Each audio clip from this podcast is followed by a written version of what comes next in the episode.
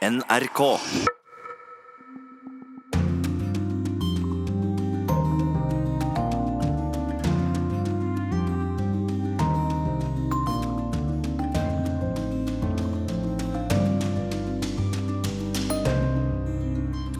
En EU-kritiker og innvandringsskeptiker står mot en EU-vennlig liberaler når Tsjekkia velger president i dag. Andre saker i Urix på lørdag. Russisk hacking i USA-valgkampen har du sikkert hørt om. Men det satt også noen i Vest-Europa og fulgte med på det hackerne gjorde i Moskva. Brasils tidligere president vil stille til valg på nytt, selv om korrupsjonsdommen fortsatt henger over ham. Sør-Korea gleder seg til å arrangere OL, men noen har mistet hus, jordbruksland og naboer pga. OL. Spyl ned toalettet bare hvis du absolutt må. Korrespondentbrevet handler om vannkrisen i Cape Town i Sør-Afrika. Og den brutale borgerkrigen i Jemen er tema for ukens podkast Krig og fred til slutt i sendinga. Her i studio i dag, Øystein Heggen. Først til Tsjekkia. I dag får vi altså vite hvem som blir landets neste president. Valglokalene stenger klokka 14.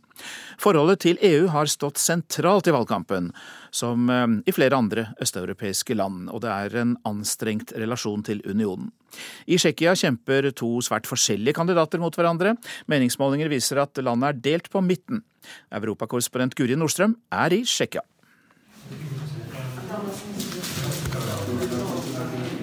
Det stemmes her i den vesle byen Adalena Vada nord for Praha. En jevn strøm av velgere, selv om byen er liten og valglokalet bare har vært åpent et drøy time. For dette presidentvalget engasjerer. Det er to motpoler som stiller til valg. Drahoš. It's obvious because he's way better. He's, his behavior is better. His opinions are better. Historiestudenten Andrej Antors gjør som de fleste andre unge tsjekkere, og stemmer på utfordreren til presidenten, nemlig EU-vennlige Jiri Drahoš. Mens pensjonistkameratene Jan Buhac og Ladislav Lalak stemmer på den sittende presidenten Miloš Seman, som helst taler EU midt imot, særlig når det kommer til asylkvoteordningen. Náš kandidát je Zeman, Já. Z důvodu, že je to zkušený politik a Drahoš je pro nás, zdá se nám jako absolutní amatér. Jo. Pensjonistene kaller presidentens utfordrer for en amatør. Han har jo ingen politisk erfaring. Velgermønsteret bekreftes av forskningsdirektør Daniel Prokov ved Medianinstituttet. Han har studert atferden blant velgerne, og viser frem et kart med en oversikt som viser at Drahors-velgerne gjerne er unge, velutdannede og bor i urbane strøk, mens Semans velgere er eldre med mindre utdanning og bor i mer landlige omgivelser. So there are poor regions. Uh, people there don't trust institutions so much. They don't like European Union because they don't feel they benefited much from the, the European integration and so on. So they vote much more often for populist parties and also for Miloš Zeman. But how come they don't feel like they benefited from the European Union when there are so much uh, subsidized from the EU? They were not always used in, in a proper way, I would say. And also, according to our researches, many people don't know about these these programs. They don't know that some roads were constructed from the EU funds and so on.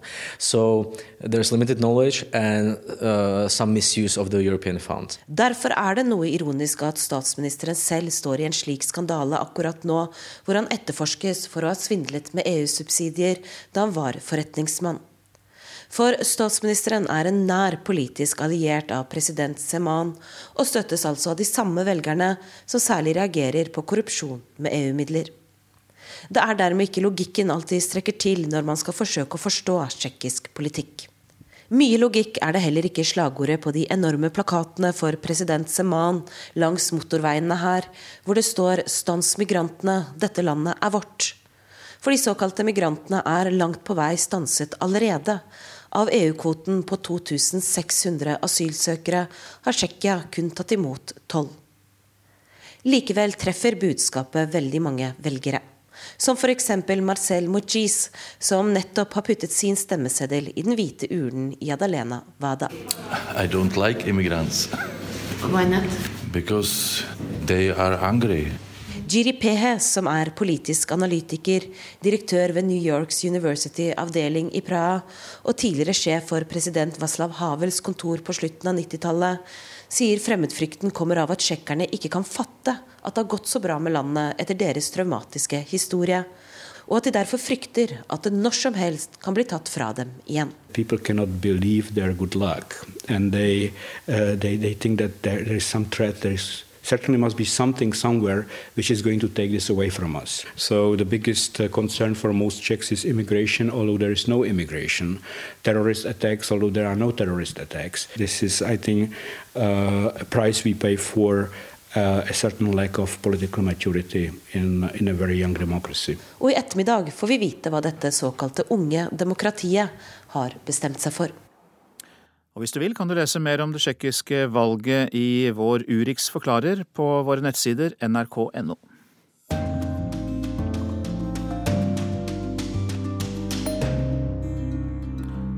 I 2015 klarte russiske hackere å komme seg inn på flere av e-postkontoene til Det demokratiske partiet i USA. Hackerne sørget for at flere tusen av e-postene ble lekket før presidentvalget. Men det de ikke visste, var at det satt noen i Nederland og fulgte med på det de gjorde i Moskva.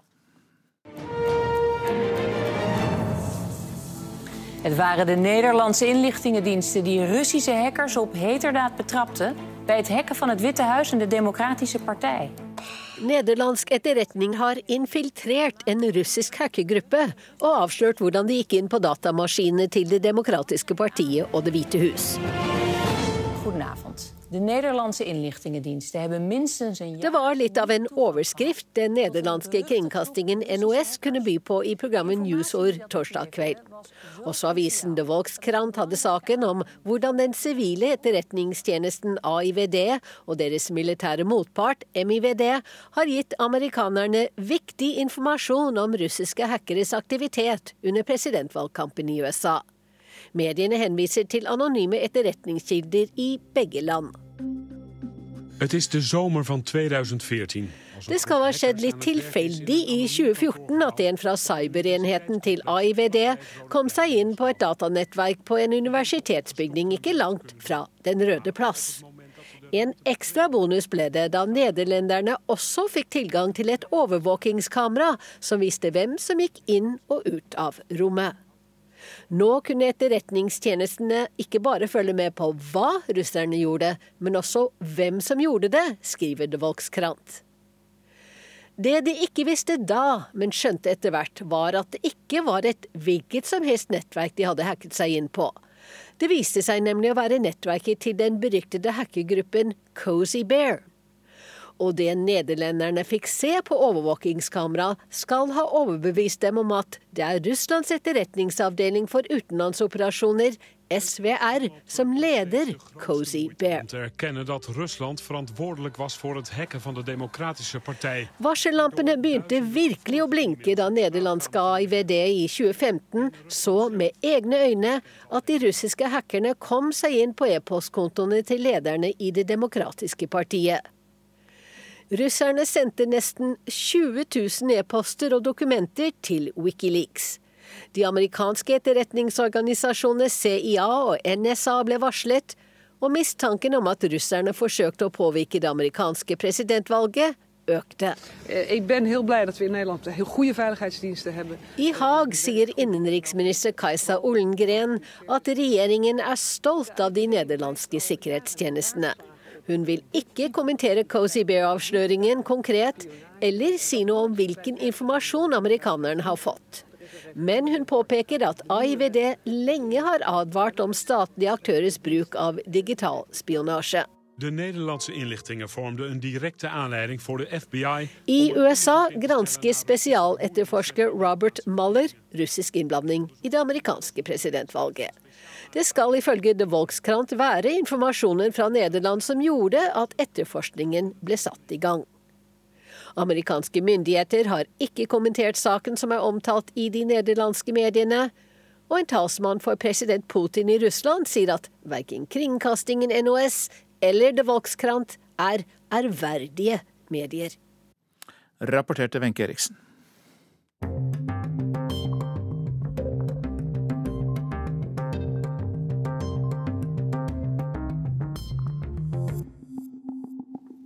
Det har vært en skjebneuke i brasiliansk politikk. Onsdag avslo en domstol anken fra tidligere president Lula da Silva, og dømte ham altså da til tolv års fengsel for korrupsjon og pengevasking. Lula leder klart på meningsmålingene foran høstens presidentvalg, men nå er det altså lite trolig at han kan delta. Arnt Stefansen rapporterer fra Rio de Janeiro. Brasils arbeiderparti, PT, holder møte dagen etter dommen mot Lula da Silva, og budskapet er klart. Partiet stiller seg fortsatt samlet bak den tidligere presidenten. Vi har ingen plan B.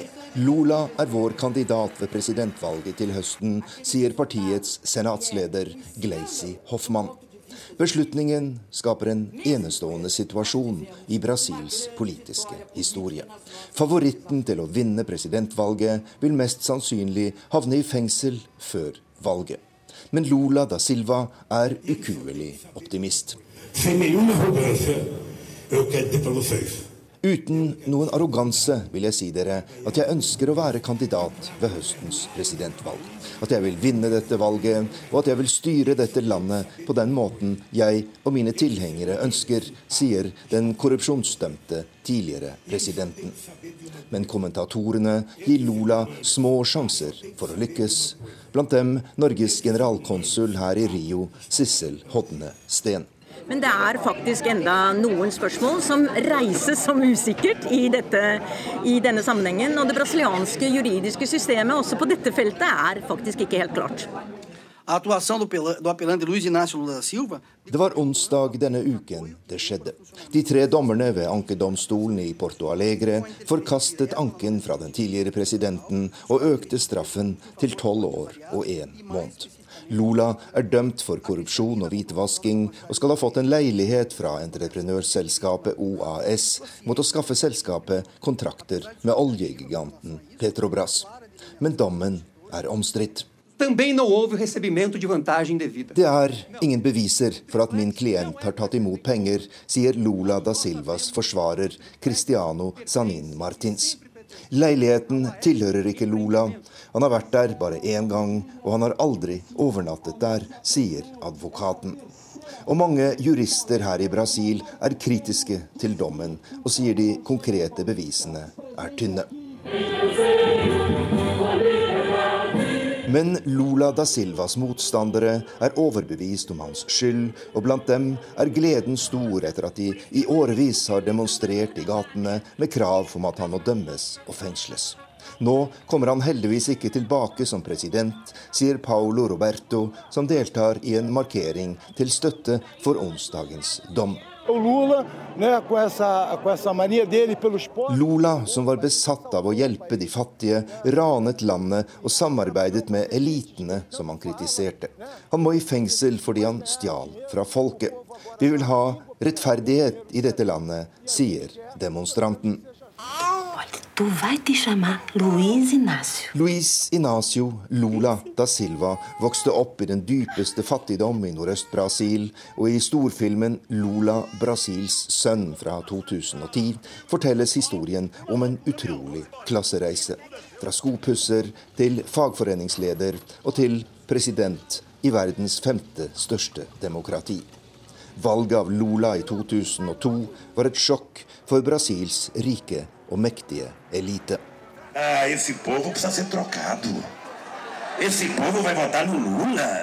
Folket må ha misforstått, fleiper Lula på et valgmøte. Folket stemmer jo på Lula og ikke på rikfolk. Kanskje bør de kreve å få et nytt folk, sier han. Det at en fattig gutt er blitt president, har tatt fra dem selve livsløgnen. De trodde at bare overklassen kan styre Brasil, og de mente at de er rike fordi de er flinkere enn de fattige, sier den daværende presidenten Lula da Silva. Men selv om Lula da Silva fortsatt er Brasils mest populære politiker, så blir veien tilbake til maktens tinde trolig i bratteste laget. Deixa o homem trabalhar, nosso povo agora é quem decide.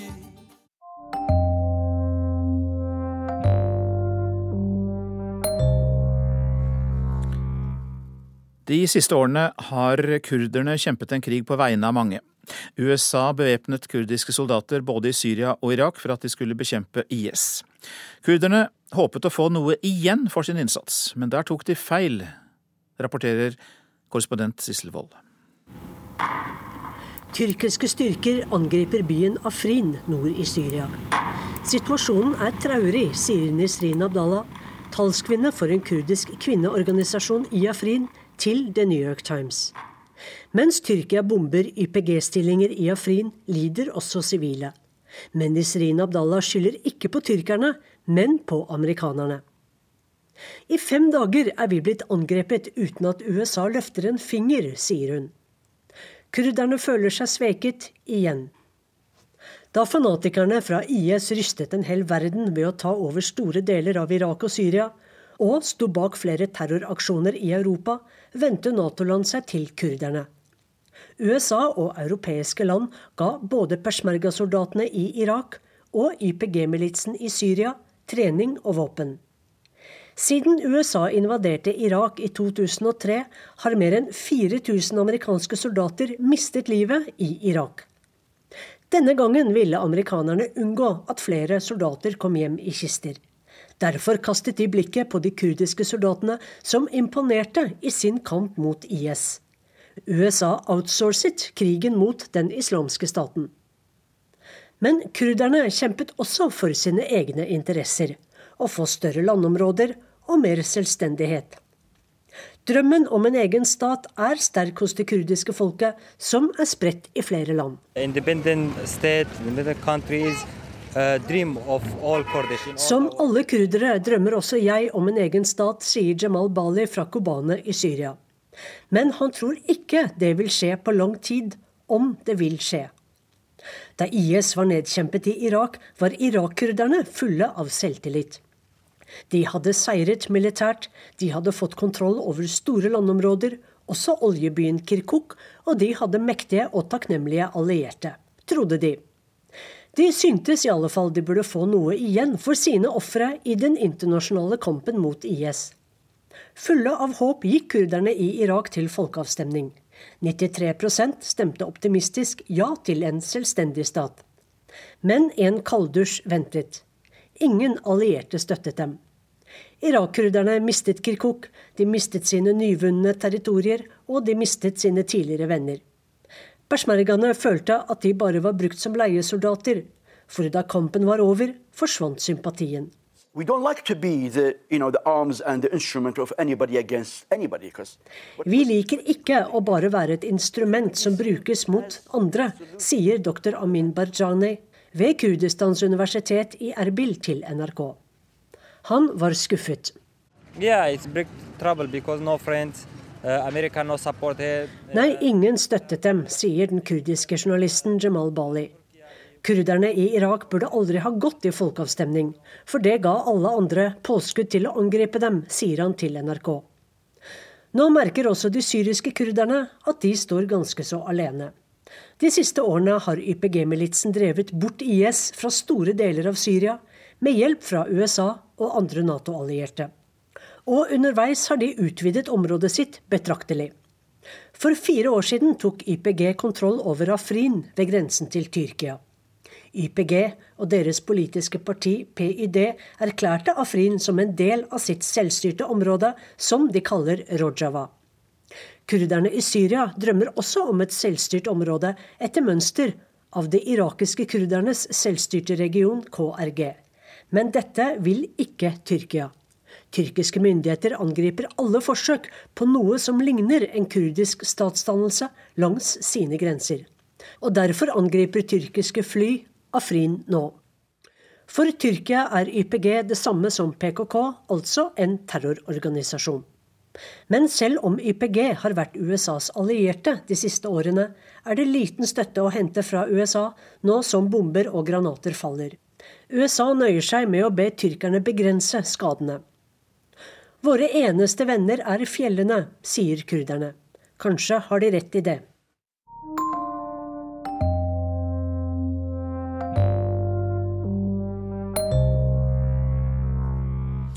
Sørkoreanerne ønsker å by på grønne leker under OL i Pyeongchang, som begynner 9.2. Men der møter de utfordringer. Byggingen av utforbakken har skapt reaksjoner, for folk må flytte, trær kuttes ned. Vår Asia-korrespondent Kjersti Strømmen har møtt en av utforbakkens naboer.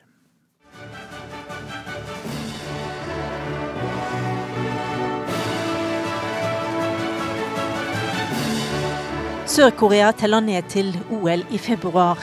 Mange er stolte. Pyeongchang 2018, New Horizons. 요 밑에서 그래도 더박 Ei av de som ikke er entusiastiske, er 88 år gamle Shinno Kunyo. Hun er nærmeste nabo til den splitter nye utforbakken og kan se konkurransene fra vinduet sitt. Jeg har ikke ord for det, sier hun, og forteller at hun ikke hadde noe annet valg enn å flytte. Det var ikke lenger plass til den vesle landsbyen hennes når arrangørene fant ut at fjellet var det beste alternativet de kunne finne til utforkonkurransen. Store maskiner kom og pløyde seg fram gjennom åkeren hennes. Det ble bygd et svært hotell på plassen, en brei vei, og det skogkledde fjellet fikk et langt arr fra topp til bunn. Miljøaktivister er sinte og kaller det for en miljøkatastrofe, fordi opptil 1000 år gamle verneverdige trær ble fjerna. Skogen i denne fjellsida er nærmest heilag for koreanerne. I gamle dager ble det dyrka ginseng for kongen i Chosun-dynastiet akkurat her. For this area, we had to um, Uh, Det stemmer at vi uh, måtte fjerne trær, sier Nancy Park. Hun er talsperson for Pyeongchang OLs organisasjonskomité. Course and the women's course to reduce the environmental impact, and we also changed the course uh,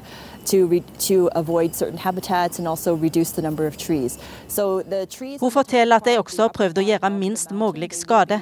Annet blir det første gang i olympisk historie at kvinner og menn bruker den samme utforbakken. De har dessuten lova å plante tilbake skog øverst på fjellet.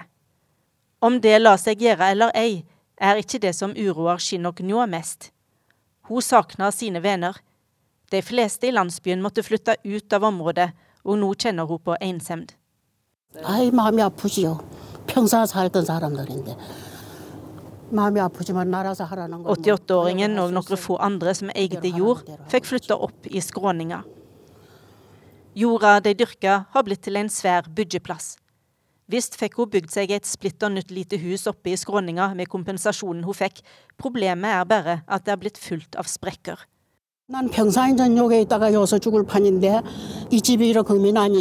Nå frykter hun og naboene at sprengningsarbeid har ført til farlig store skader på husene deres.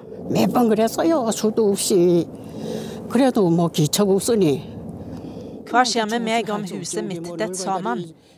Jeg kommer til å fryse i hjel, eller også svelter jeg i hjel. Jeg har spurt deg igjen og igjen om de kan fikse huset mitt, men de kommer ikke. De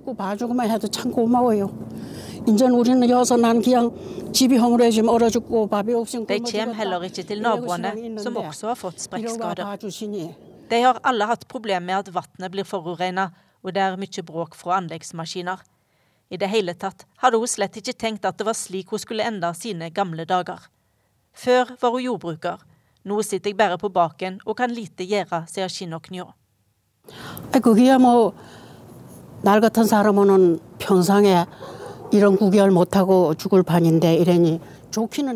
Om kort tid kan hun få se verdens største skistjerne suse ned den lange bakken.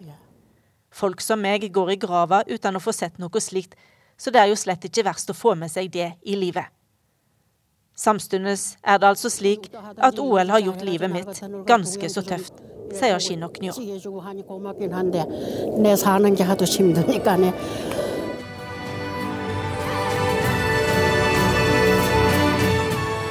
Og musikken vi hører, den er fra OLs promovideo. Og vi legger til at organisasjonskomiteen for Pyeongchang-OL sier til NRK at de vil ta kontakt med de lokale myndighetene for å komme til bunns i denne saken. I nyhetssendingen i dag har vi hørt at Afghanistans hovedstad Kabul er rammet av nok et terrorangrep. Nå melder myndighetene at minst 40 personer døde og 140 ble skadd da en bilbombe gikk av i et område av byen hvor det er ambassader og mange offentlige bygninger. Bomben var skjult i en ambulanse og eksploderte ved en kontrollpost. Taliban sier de står bak angrepet, som kommer bare én uke etter Talibans angrep på Intercontinental Hotel i Kabul. Da ble 20 mennesker drept. Du kan lese mer om dette på nrk.no og høre mer i Dagsnytt klokka tolv. Nå til ukens korrespondentbrev. Det startet på et hotellrom, nærmere bestemt på toalettet. Vannet i doskåla er gult og grumsete. Men det skal mer til før det er lov å trekke i snora. Jeg er på et hotellrom i Cape Town i Sør-Afrika, og har fått streng beskjed om å ikke trekke ned før det er absolutt nødvendig. Her sløser man ikke med livets kilde. Proppen til badekaret er fjernet fra rommet. Å ta et bad vil være en forbrytelse. 80 liter vann rett i avløpet. Å dusje lenger enn to minutter er også forbudt. 15 liter vann går ned i sluket hvert minutt jeg bruker under de varme strålene. Hårvasken utsettes. Det er ekstrem vannmangel i Cape Town. Byen ved Atlanterhavet, som er kjent for sine vingårder, hvite strender, yrende forretningsliv, fangeøya Robben Island og utsikten fra Table Mountain, kan bli den første storbyen i verden som går tom for vann. Alle teller ned til dag null, dagen da myndighetene skrur av den kommunale vannforsyningen. Først var datoen satt til 21. april, nå er den fremskyndet til 12. april. Både tiden og vannet renner ut. Folk flest klarer ikke å holde restriksjonene om å ikke bruke mer enn 87 liter vann om dagen. Og fra 1.2 blir kravene strengere. Da settes grensen til 50 liter. De som fortsatt sløser, blir straffet med en ekstra avgift på vannregningen. Ordføreren i byen sier hun har innsett at det ikke nytter å bare oppfordre folk til å bruke mindre vann, vi må tvinges til å gjøre det. For dag null kommer stadig nærmere. Det er som en science fiction-film, der alle vet at dommedag nærmer seg, men ingen vet akkurat hva som kommer til å skje, bare at det er noe skremmende. Tre tørre vintre, rask befolkningsvekst, overforbruk blant den rike delen av befolkningen og dårlig planlegging har ført Cape Town ut i denne vannkrisen. Det er uvant å spare på vannet. Som andre nordmenn var jeg vant til rent, kaldt vann rett fra springen. Men allerede på min første flytur til kontinentet falt skylappene av. Under oss strekte en elv seg i mil etter mil gjennom verdens største ørken. Langs breddene var det grønt, og jeg så for meg hvordan elven ga liv til det golde landskapet og skapte grobunn for menneskelig liv og aktivitet og en av verdens eldste sivilisasjoner. Det var mitt første møte med den mytiske elven Nilen.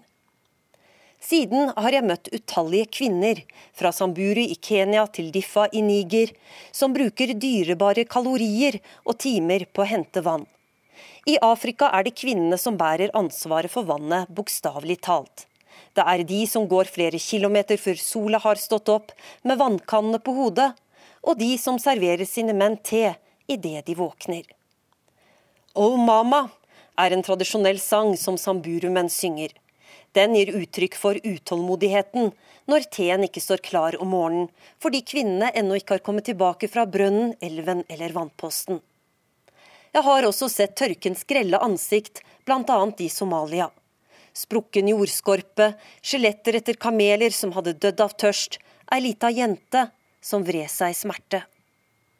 I møte med dette kontinentet blir man fort ydmyk i forhold til hvor privilegert man selv er når det gjelder tilgangen til vann. I vår hjemby Nairobi i Kenya kjøper vi som har råd til det, drikkevannet i butikken, fordi det kommunale vannet her er kjent for å misfarge folks tenner. Årsaken er høyt fluorinnhold. Huset vi bor i har egen brønn, vi er tilknyttet vannettet og samler også regnvann fra taket. Det gjør at vi er skjermet fra vannkrisen som også har rammet denne millionbyen. Nairobi betyr kaldt regn på Masai. Men den ubarmhjertige tørken i fjor kom også hit, til tross for at byen vanligvis er en grønn oase, med bougainvillea i lilla og rødt og jacaranda i lyseblått. For tiden åpner kommunen bare kranene i helgene. Da må folk være hjemme og fylle opp tankene, ellers går de tomme. Ikke alle er så heldige at de har egne vanntanker, men samles rundt vannpostene i slumområdene. En venninne bor rett utenfor byen. Hun har vanligvis vann i kranen, men måtte opp klokka seks sist søndag for å lete etter vann hos venner og kjente. Der det var vann, sto kvinnene allerede i kø. Det er alltid de som har minst å rutte med, som kjenner mangelen på rent vann på kroppen. Kolerautbrudd krever stadig liv, også i Kenya. Nå sier myndighetene at de har kontroll, og at over 500 000 tabletter med klor er tilført drikkevannet. Spørs om det er nok til å berolige folk. Men de fattigste har ikke noe valg, de må drikke det vannet de får tak i. Vi klarer oss ikke uten. Mennesker overlever bare to-tre dager uten vann. Til sammenligning kan en voksen mann klare seg uten mat i 30 dager, bare han får vann. Vann former landskap og menneskenes liv. Alle de eldste kulturene oppsto rundt de store elvene.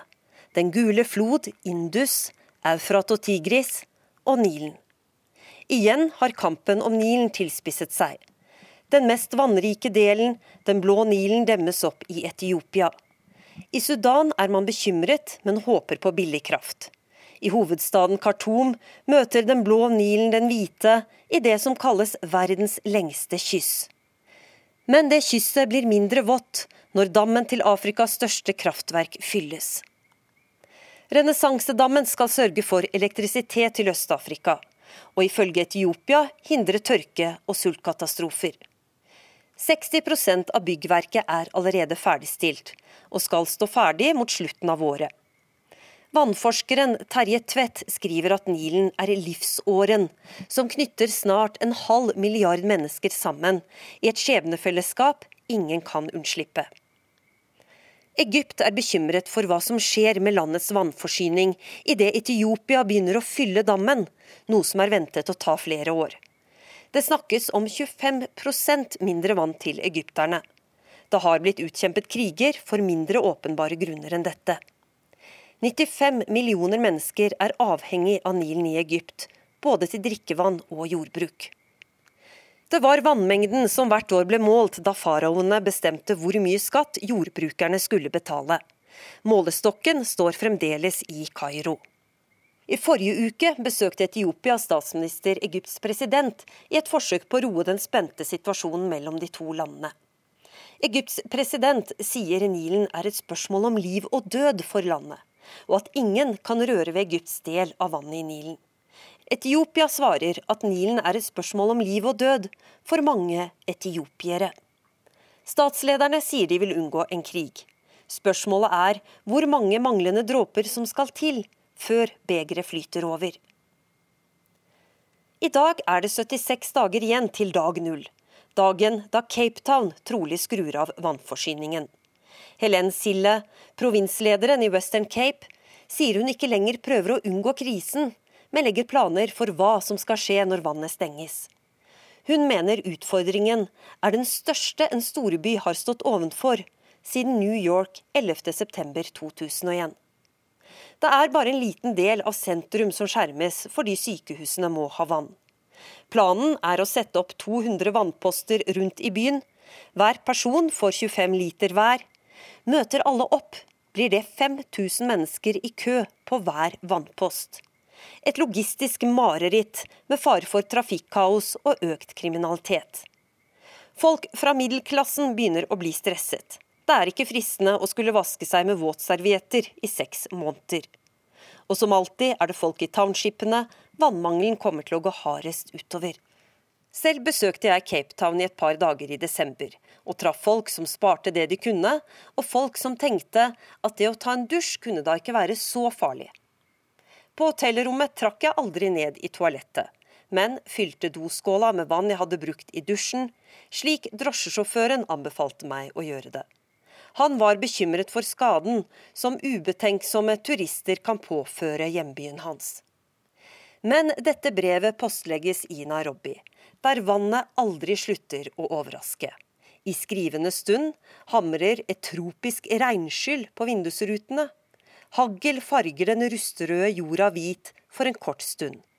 Og jeg tenker på barna som er på piknik med skolen, uten regntøy. Det sa Afrikakorrespondent Kristine Presttun. Og nå her i Urix til ukens podkast Krig og fred. Over 70 sykehus og helsestasjoner har blitt bombet i Jemen av den saudiarabiske koalisjonen. Hvordan er det å jobbe på et sykehus ute i ørkenen og høre jagerflyene sirkle i luften over? og det på et sykehus som allerede har vært bombet en gang før. En glemt krig kalles den ofte, krigen i Jemen. Men mange ungdomsorganisasjoner engasjerer seg, og da er det norsk våpeneksport det gjelder.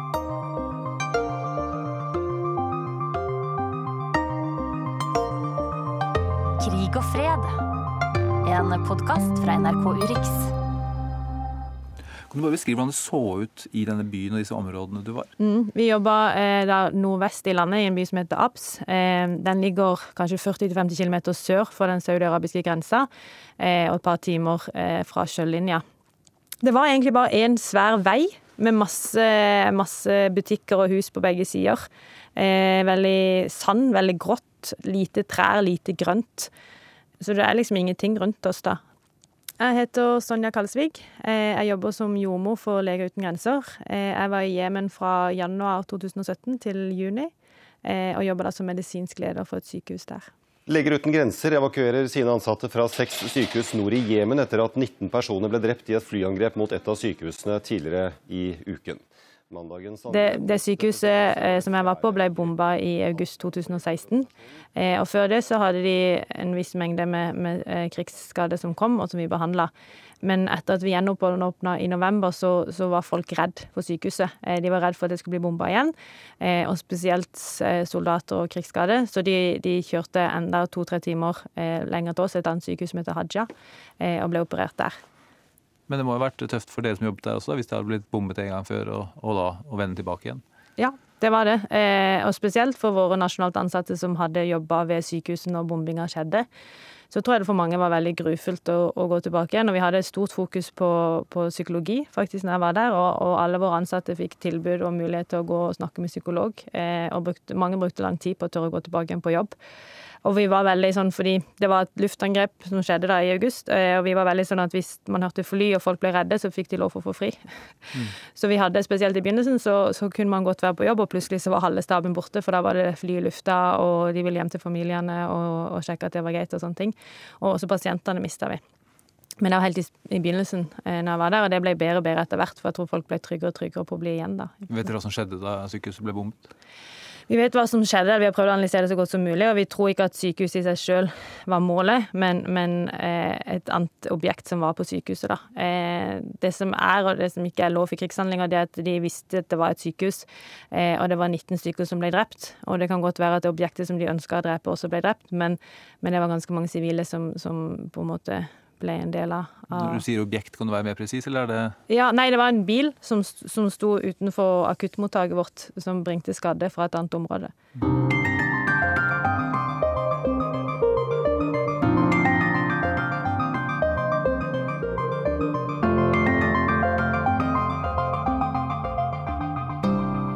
Hva sier det om krigen i Jemen at så mange sykehus er bombet i en allerede veldig fattig stat? Nei, det sier eh, det sier noe om at eh, eh, respekten eh, for sivilbefolkningen er veldig lav blant alle parter. Og det sier på en måte den saudi-arabiske blokaden også litt om. Så her er, det, her er det mange som syns det er greit å ikke tenke så mye på sivilbefolkningen. Jeg er professor Stig Jarle Hansen, jobber på Universitetet i Ås og har forsket og reist en del i Jemen. Hvem er partene i Jemenkrigen? Nei, Du har en allianse da, i eh, nord. Eh, der du har eh, houthiene, som var, er hovedbestanddelen av den alliansen.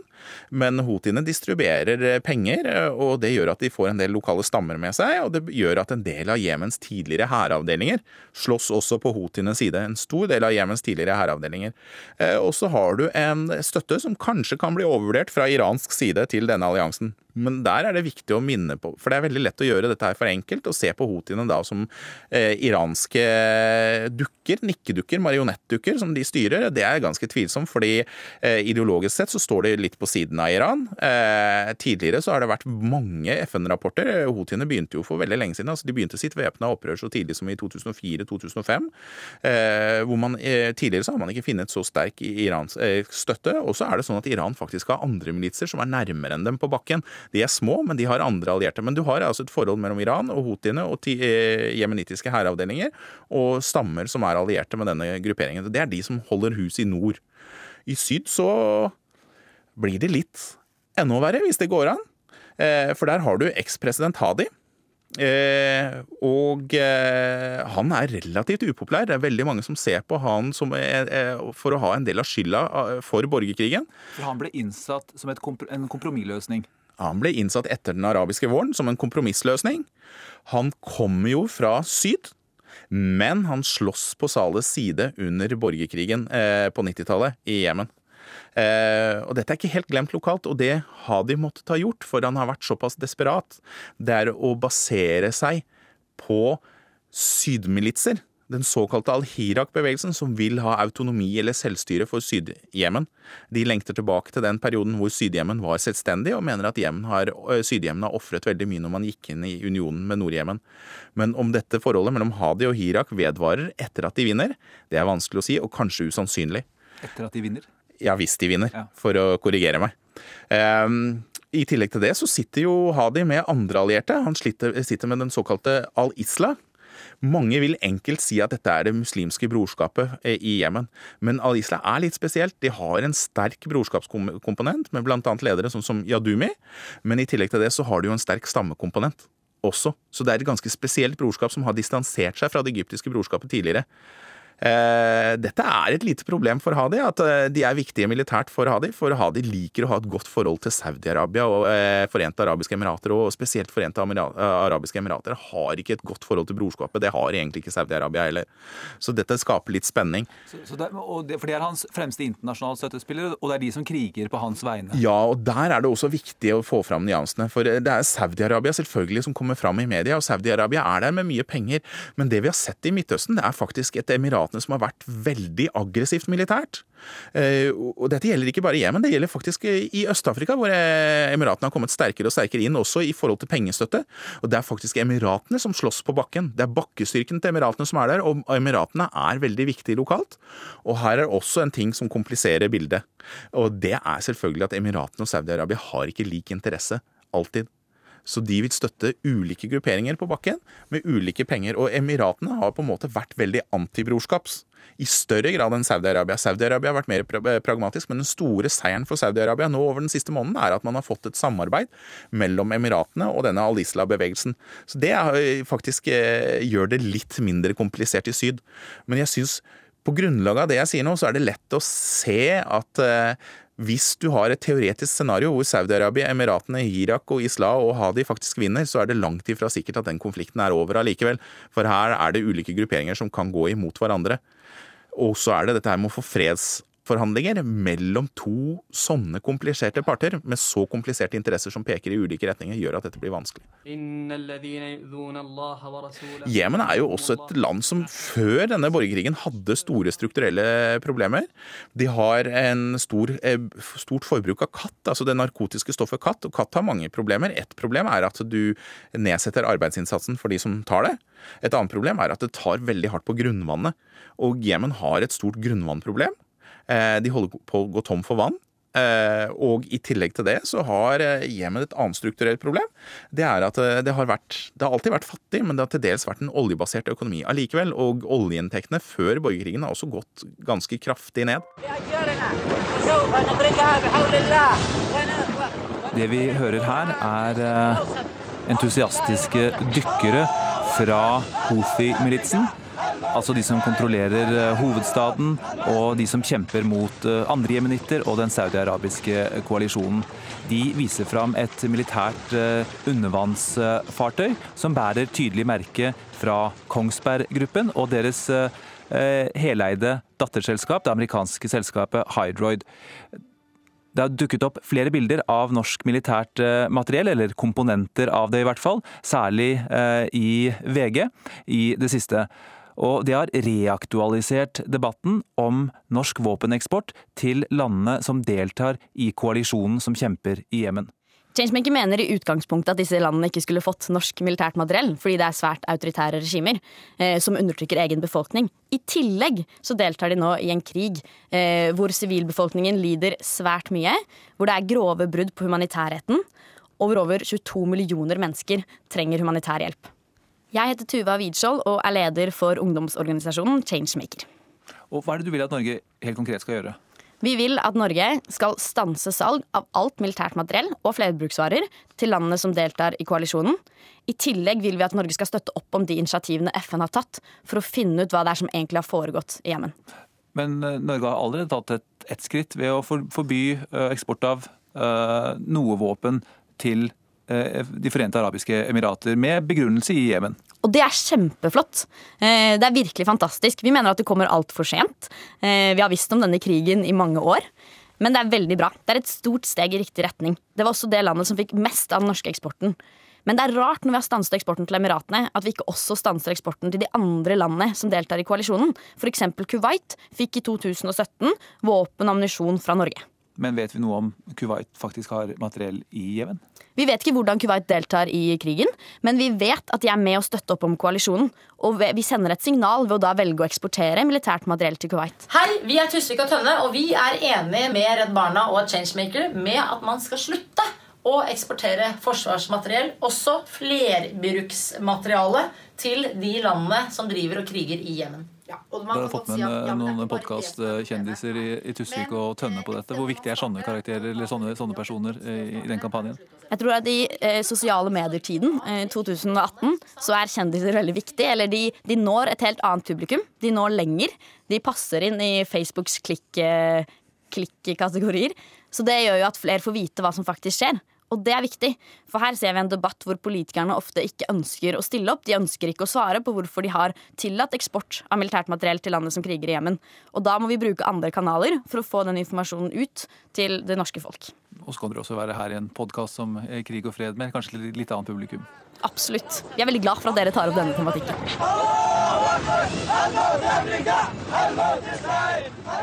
Og så vil det ofte politisk koke ned til dette. Er det moralsk å eksportere våpen i det hele tatt?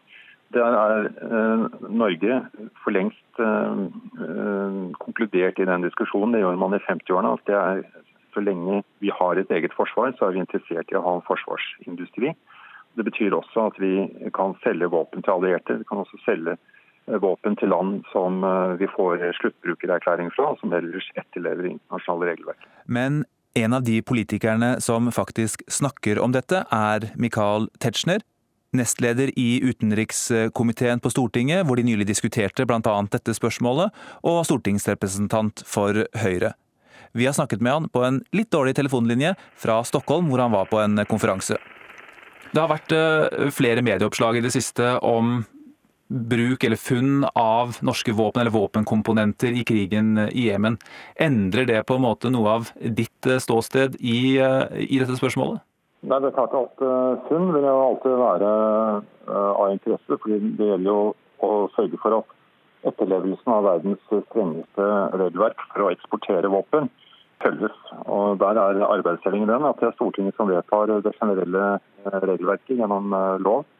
Og så er det slik at det er eh, regjeringen ved departementet som eh, gjennomfører både eh, tilsynet med våpeneksporten og sørger for at den skjer innenfor de rammene som Stortinget har forutsatt. Og det er klart, Når det fremkommer påstander om at våpen er der det ikke skal være, så er det påstander som skal undersøkes.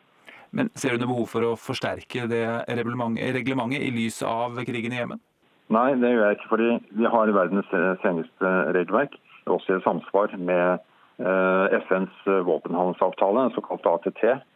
Og Det betyr at det er en nøye opplisting av eh, land som eh, også Norge kan eksportere til, og hvor det heller ikke er likegyldig hva man eksporterer, fordi man skiller mellom A-materiell og B-materiell. Altså, eh, B-materiell er jo eh, militært utstyr, men som ikke er våpen osv. المؤامرات نحن مستعدين ومن الآن أن نرفد الجبهات نرفدها مش بالآلاف Her hører vi den eh, siste folketalen til Ali Abdullah Saleh, mannen som dominerte Jemen i årtier, inntil han ble drept av sine tidligere allierte, Houthi-militsen i Sanaa. I denne talen så tok han til orde for en mulig åpning mot eh, Saudi-Arabia og deres allierte igjen. Og Stig Jarle Hansen, apropos dette med stadig skiftende allianser, hvem var denne president Sale? President Sale er for Vi kaller, unnskyld, vi kaller han president Sale fortsatt, og det sier noe litt om Ja. uh, hvilken maktposisjon han hadde. Ikke sant? Han, han er jo eh, Jemen, eh, Jemens eh, president eh, fram til den arabiske våren, helt siden Jemen oppsto som en union mellom Nord- og Syd-Jemen. Og før det så, så satt han ganske lenge i Nord-Jemen også. Så jeg tror den beste bildet på president Saleh, dette er kanskje litt spekulativt, det er kanskje en av kongene på Game of Thrones, altså. Fordi president Saleh han var veldig god på å spille fiendene sine ut mot hverandre eh, og beholde makten. Altså Det er en bok som er ganske berømt, som kalles 'Dancing at the Heads of Snake'. Det er eh, måten da president Saleh spilte ut de forskjellige fraksjonene i Jemen mot hverandre, også i fredsperiodene, eh, sånn at han greide å holde sine opposisjonelle i sjakk hele tiden. Og Han spilte spillet sitt, og til slutt så tok han nok å bydde ut litt for hardt, og så gikk det veldig galt eh, for han. Men han greide da å holde makten ganske lenge, i en stat som sagt hvor eh, statsinstitusjonene var veldig svake, og hæren som så veldig imponerende ut på papiret, kanskje var ikke så imponerende i virkeligheten, hvor bl.a. offiserer solgte våpnene sine fritt, og alle avdelingene ikke, som var på papir, ikke besto i virkeligheten og sånn. Eh, Så han var nok, selv om det gikk galt til slutt, så var han nok en kunstner på realpolitikk, og det gjorde at han satt såpass lenge. Men hva var det som gjorde da at han til slutt eh, falt for eget grep? eh? Han undervurderte houthiene kraftig. Eh, Det som har skjedd, er at houthiene sakte, men sikkert tok makten over statsinstitusjonene i de områdene de erobret. Så med andre ord, man greide å generere inntekter utenom sin vanlige inntekt, og man greide å mer eller mindre kontrollere hæravdelinger selv, istedenfor at man trengte president Saleh og hans familie til å kontrollere hæravdelingene. Så houthiene var nok sterkere enn det president Saleh faktisk trodde, eh, og greide å stoppe demonstrasjonene da han gjennomførte i hovedstaden Sanaa. Så dette gikk dårlig for han. Og det ble jo også spekulert i om Sale hadde begynt å nærme seg Saudi-Arabia igjen. Eh, nok et eksempel på alle disse skiftende alliansene. Men det er ikke noe tvil om at Saudi-Arabia etter hvert befinner seg i en eh, ganske vanskelig posisjon i krigen i Jemen. Nei, eh, Saudi-Arabia har gjort Hvis du ser veldig kynisk på det, så, så har du rett. Altså, Saudi-Arabia har en, en del problemer med Jemen. Eh, et problem er at eh, nå har det gått i mange år. eh, Det har kommet opp i pressen nå igjen, hvor det har blitt skutt ballistiske missiler inn i Saudi-Arabia fra jemenittisk side. Tidligere var det skuddraketter, og nå er det oppmoderniserte skuddraketter som blir skutt. Saudi-Arabia er redd for å få Iran inn på jemenittisk side. Eh, og eh, pga. stammeoverlapper over grensene så er det sånn at denne konflikten kan forplante seg inn i, eh, hos saudiaraberne òg. Og på en måte så har de fått denne krigen til å være litt billig, for å si det på en grotesk måte, fordi Emiratene har tatt et så stort ansvar på bakken, og også at det har vært en god del leiesoldater faktisk som har slåss på Hadi sin side, som man har betalt, kjøpt og betalt tropper. Så det er ikke saudiske tropper i stort monn inne på bakken i Jemen, man bruker bombeflyene sine. Så, sånn gjør det at man slipper billig unna. Men jeg vil jo si det at intervensjonen i Jemen tyder på også manglende kompetanse i, i Saudi-Arabia som stat. For her har du et land som har en lignende tradisjon som Afghanistan historisk. Det er sånn at hvis du går inn i, syd, går inn i Jemen, så vinner du aldri. Storbritannia vant ikke, ottomanerne vant ikke.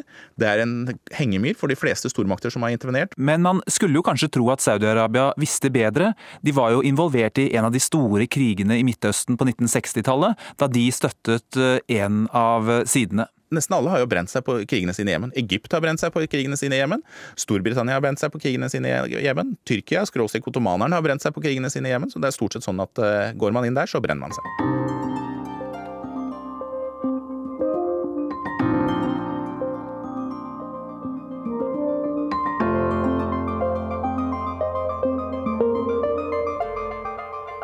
En av grunnene til at eh, det er så vanskelig å få klarhet i hva som skjer i Jemen, er at eh, journalister eh, veldig sjelden slippes inn i landet. Og Det gjelder også oss her i NRK. Men noen utlendinger har vært og jobbet i landet, og da fortrinnsvis som hjelpearbeidere. Og Sonja Karlsvik, du er en av dem. Føler du at du har kommet hjem fra en glemt krig? Ja, definitivt.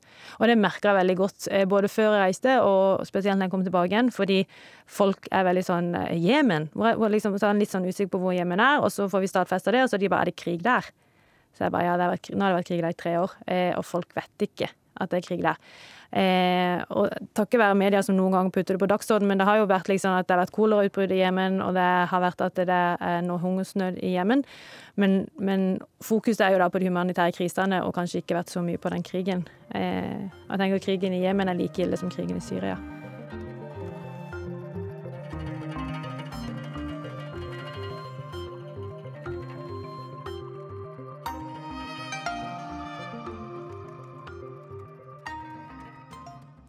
Og podkasten om Jemen var ved Sigurd Falkenberg Mikkelsen. Vi som laget eh, Urix på lørdag, var teknisk ansvarlig Ida Larald Brenna, produsent Tonje Grimstad og i studio Øystein Heggen.